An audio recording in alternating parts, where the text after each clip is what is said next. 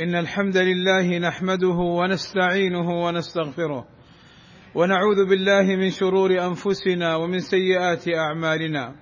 من يهده الله فلا مضل له ومن يضلل فلا هادي له. وأشهد أن لا إله إلا الله وحده لا شريك له. وأشهد أن محمدا عبده ورسوله. يا أيها الذين آمنوا اتقوا الله حق تقاته. ولا تموتن إلا وأنتم مسلمون.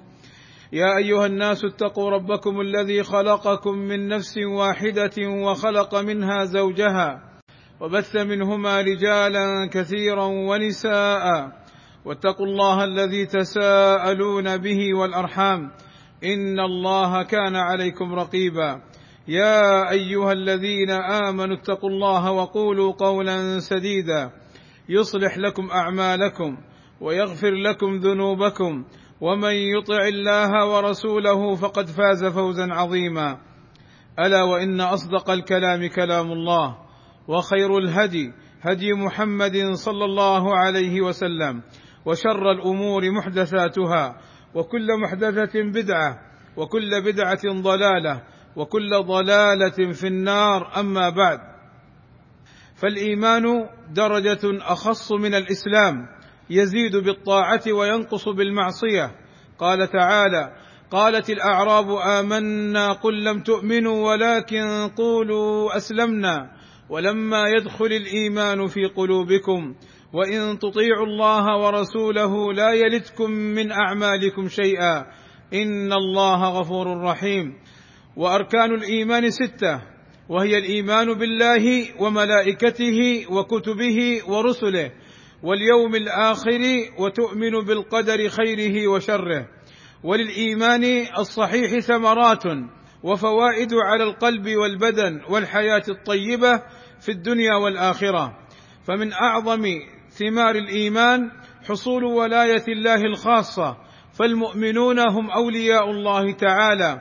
قال تعالى ألا إن أولياء الله لا خوف عليهم ولا هم يحزنون الذين آمنوا وكانوا يتقون. ومن ثمرات الإيمان الفوز برضا الله ودار كرامته قال تعالى وعد الله المؤمنين والمؤمنات جنات تجري من تحتها الأنهار خالدين فيها ومساكن طيبة في جنات عدن ورضوان من الله أكبر. ذلك هو الفوز العظيم. ومن ثمرات الإيمان مراقبة الله والخوف منه. والاستعداد للقائه والعمل في رضاه والسعي لنيل الدرجات العلى لأنه الله العظيم ذو الجبروت والقادر على كل شيء ومن ثمرات الإيمان. اتباع النبي صلى الله عليه وسلم لأنه رسول من الله يبلغ عن الله ما أمر به عباده وما نهاهم عنه. فالإيمان يحمل على اتباع السنة والإيمان يحمل على مجانبة البدعة فالإيمان يحمل على طاعة الرسول صلى الله عليه وسلم فيما بلغ عن ربه. ومن ثمرات الإيمان أن الإيمان الكامل يمنع من دخول النار والإيمان ولو قليلا يمنع من الخلود في النار. ومن ثمرات الإيمان أن الله يدافع عن المؤمنين جميع المكاره وينجيهم من الشدائد. كما قال تعالى ان الله يدافع عن الذين امنوا أي يدافع عنهم كل مكروه يدافع عنهم شر شياطين الانس وشياطين الجن ويدافع عنهم الاعداء ويدافع عنهم المكاره قبل نزولها ويرفعها أو يخففها بعد نزولها وهذا كله من ثمرات الايمان. ومن ثمرات الايمان ان الايمان والعمل الصالح يثمر الحياة الطيبه في هذه الدار وفي دار القرار. قال تعالى من عمل صالحا من ذكر أو أنثى وهو مؤمن فلنحيينه حياة طيبة ولنجزينهم أجرهم بأحسن ما كانوا يعملون. ومن ثمرات الإيمان حصول الفلاح الذي هو إدراك غاية الغايات والهدى الذي هو أشرف الوسائل. قال تعالى أولئك على هدى من ربهم وأولئك هم المفلحون ومن ثمرات الإيمان الانتفاع بالمواعظ والآيات. وذكر فإن الذكرى تنفع المؤمنين فالمؤمن إذا وعظ اتعظ وإذا زجر الزجر وإذا ذكر بالله تذكر. وهذا لأن الإيمان يحمل صاحبه على الالتزام بالحق واتباعه علما وعملا. والله أسأل لي ولكم التوفيق والسداد وأن يغفر لنا الذنوب والآثام. إنه سميع مجيب الدعاء. الحمد لله رب العالمين. والصلاة والسلام على المبعوث رحمة للعالمين. وعلى آله وصحبه أجمعين عباد الله. ومن ثمرات الإيمان أن الإيمان يقطع الشكوك التي تعرض لكثير من الناس فتضر بدينهم.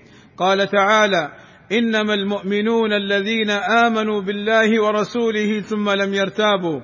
أي دفع الإيمان الصحيح الذي معهم الريب والشك الموجود وأزاله بالكلية وقاوم الشكوك التي تلقيها شياطين الإنس والجن والنفوس الأمارة بالسوء. فليس لهذه العلل المهلكة دواء إلا تحقيق الإيمان.